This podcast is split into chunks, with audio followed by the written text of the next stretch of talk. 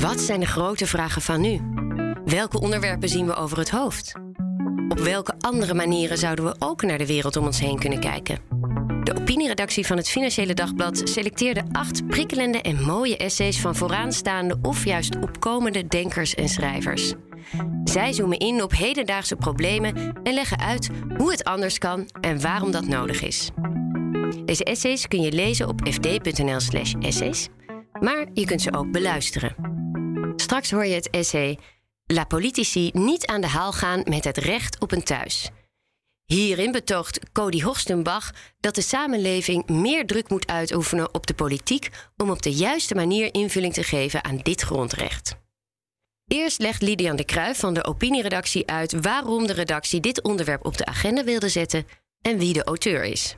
Cody die, uh, is stadsgeograaf en uh, heeft een, een boek geschreven Uitgewoond. Dat gaat over de wooncrisis in Nederland. En in dat boek pleit hij voor een radicale verandering van het woonbeleid. Uh, hij geeft ook aan welke groepen er in de maatschappij eigenlijk uh, schade ondervinden van, uh, van de huidige wooncrisis. En met de komst van het nieuwe kabinet en de nieuwe woonminister Hugo de Jonge hebben we hem gevraagd om kritisch te kijken naar de huidige maatregelen die het kabinet dus nu gaat nemen. Laat politici niet aan de haal gaan met het recht op een thuis. Door Cody Hoogstenbach. Het is september 2021 als ik aanwezig ben bij het woonprotest in het Westerpark in Amsterdam. Het is de eerste grootschalige demonstratie tegen de wooncrisis sinds de krakersrellen begin jaren 80. Overal om mij heen zie ik vooral jonge mensen met spandoeken met erop teksten als: Ik lust geen huisjesmelk. En Mens boven markt. En Housing is a human right. Dat laatste is de kern. Wonen is een recht. Of beter gezegd, dat moet het zijn, maar dat is het nu zeker niet. Het is een pleidooi om de macht van de markt ondergeschikt te maken aan de mensenrechten. De overheid moet daarvoor zorgen. Een paar maanden later treedt CDA'er Hugo de Jonge aan als minister voor Volkshuisvesting en Ruimtelijke Ordening in het vierde kabinet Rutte. Hij heeft goed geluisterd naar de protestbewegingen en neemt hun woorden over. We hebben te lang geloofd dat de markt vanzelf zou zorgen voor evenwicht in vraag en aanbod, zegt hij halverwege mei in trouw. Wonen is een grondrecht. We moeten de regie hernemen om die grondwettelijke opdracht waar te maken. De jongen presenteert dan zijn nota Een huis voor iedereen. Met daarin plannen voor meer sociale huurwoningen. Het is nogal een contrast met zijn voorganger Stef Blok van de VVD, die de sociale huursector juist drastisch wilde beperken. Hij maakte woningcorporaties een kopje kleiner, legde hen de verhuurderheffing op, verhoogde de huren, drong de huurdersbescherming terug en lokte dubieuze buitenlandse beleggers naar Nederland. Het is positief dat Nederland weer een minister heeft die het grondwettelijk recht op huisvesting benadrukt en stappen wil zetten om dat te verwezenlijken. Toch is er een reëel risico dat het bij niet veel meer dan een holle frase blijft. De toegenomen aandacht voor de wooncrisis komt nadat deze de afgelopen jaren ziender ogen toenam. Het zijn al lang niet meer de laagste inkomens voor wie de wooncrisis een permanente realiteit is. Ook voor de middenklasse is een betaalbare woning niet langer zeker. Het recht op huisvesting is een frame om de wooncrisis te politiseren. Protestbewegingen over de hele wereld maken er gebruik van, ook de Nederlandse woonbeweging. Hun boodschap is dat goede huisvesting een belangrijk fundament vormt voor een menswaardig bestaan. De overheid heeft de plicht deze basis te garanderen, maar slaagt daar allerminst in.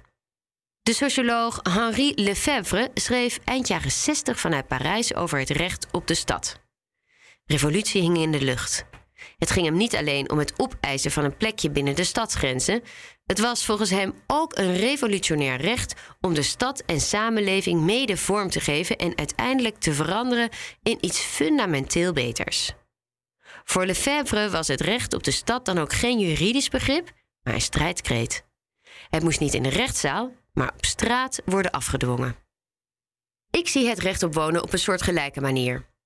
Voor de meest gemarginaliseerde en onderdrukte groepen, dak- en thuisloze mensen voorop, is het natuurlijk een concrete eis. Zij willen nu huisvesting. Maar er ligt een fundamentelere strijd aan ten grondslag.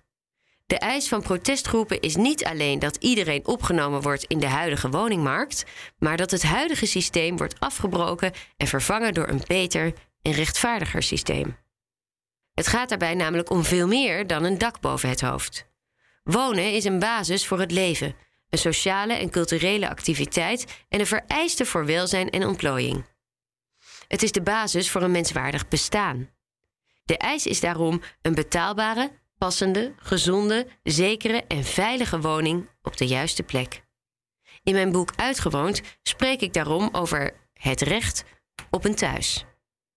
Nu is de tegenwerping altijd of deze stapeling van eisen wel realistisch is. Is het niet veel te duur?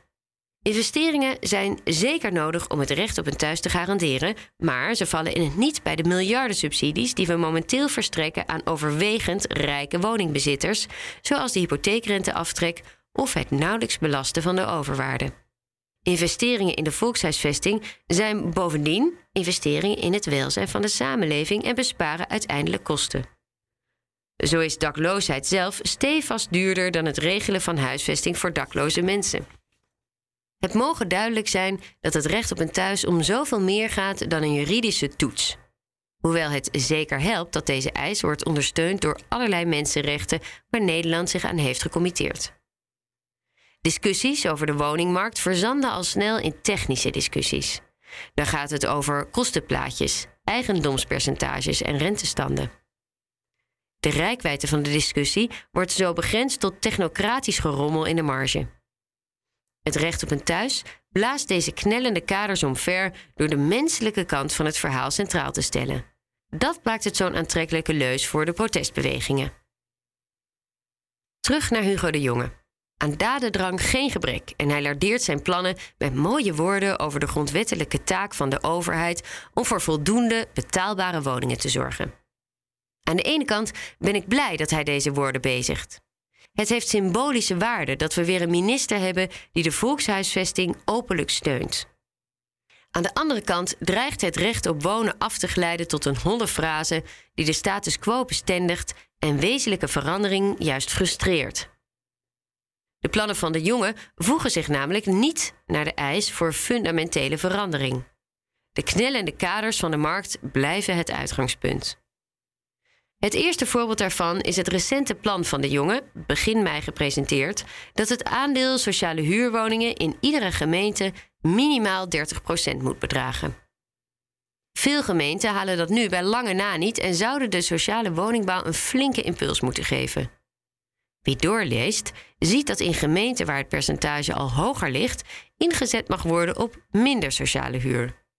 In de praktijk zijn dat grote steden als Amsterdam en Rotterdam, waar de wachtlijsten lang zijn en de behoefte aan meer sociale huur het grootst. Daarnaast is het de vraag om wat voor sociale woningbouw het gaat. De huidige trend is dat het voor een fors deel om tijdelijke woningen zal gaan. Denk aan gestapelde containers op braakliggende veldjes. Zulke woningen bieden weliswaar onderdak, maar verwezenlijken het recht op een thuis niet. Ze dragen bij aan een verdere verschraling van de volkshuisvesting en dichten de kloof tussen koop en huur niet. Kort nadat hij zijn plannen voor de sociale huurwoningen presenteerde, kwam de jongen alweer met de volgende plannen om alle woningen met een maandhuur tot 1000 euro of zelfs 1250 euro te reguleren. Momenteel geldt de prijsregulering enkel voor woningen tot 763 euro. Het plan moet een groot deel van alle huurwoningen beschermen tegen marktuitwassen. Het klinkt progressief, maar normaliseert tegelijkertijd hoge huren. Alsof 1000 of zelfs 1200 euro per maand voor een doorsnee appartement niet al een uitwas aan zich is. Bovendien waarschuwde de Vereniging van Wooncorporaties EDES nog dezelfde dag dat de plannen ook voorzien in een versimpeling van de huurtoeslag. In de praktijk zal het voor veel huurders een toeslagverlaging betekenen en juist degenen die nu al nauwelijks kunnen rondkomen verder in het nauw dringen. Laat me duidelijk zijn. Ik ben positief over de voortvarende stad van de jongen als woonminister. Vooral zijn plan, met staatssecretaris Maarten van Ooyen en minister Carola Schouten om daklozen veel sneller aan een huis te helpen, verdient aanbeveling. Desondanks blijven de daadwerkelijk voorgestelde plannen vooralsnog beperkt tot het bijschaven binnen de grenzen van het bestaande systeem. De knellende kaders van de markt blijven leidend. Slechts de scherpe randjes worden afgestompt. Een fundamentele koerswijziging beperkt niet alleen de markt, maar investeert ook in een ander ideaal. Dat blijft vooralsnog uit. De eis het recht op wonen centraal te stellen dreigt opgenomen te worden in het bestaande systeem. De leus wordt zo ontdaan van haar radicale potentie. Waar het voor protestbewegingen een manier was om de wooncrisis te politiseren en de status quo uit te dragen, dreigt het nu juist een instrument van depolitisering te worden. De progressieve maatregelen die nu op tafel liggen, heeft de huidige regering niet uit eigen wijsheid bedacht. Nee, ze werden ertoe gedwongen door weerstand en protest uit de samenleving. Het recht op een thuis als politieke eis had een dwingend effect. Neemt Hugo de Jonge zijn woorden serieus, dan zet hij ook de volgende stap: door te investeren in echte volkshuisvesting voor lage en middeninkomens. Dit was het essay van Cody Horstenbach. Wil je meer essays lezen of beluisteren die de opinieredactie van het FD selecteerde? Kijk dan op fd.nl/essays.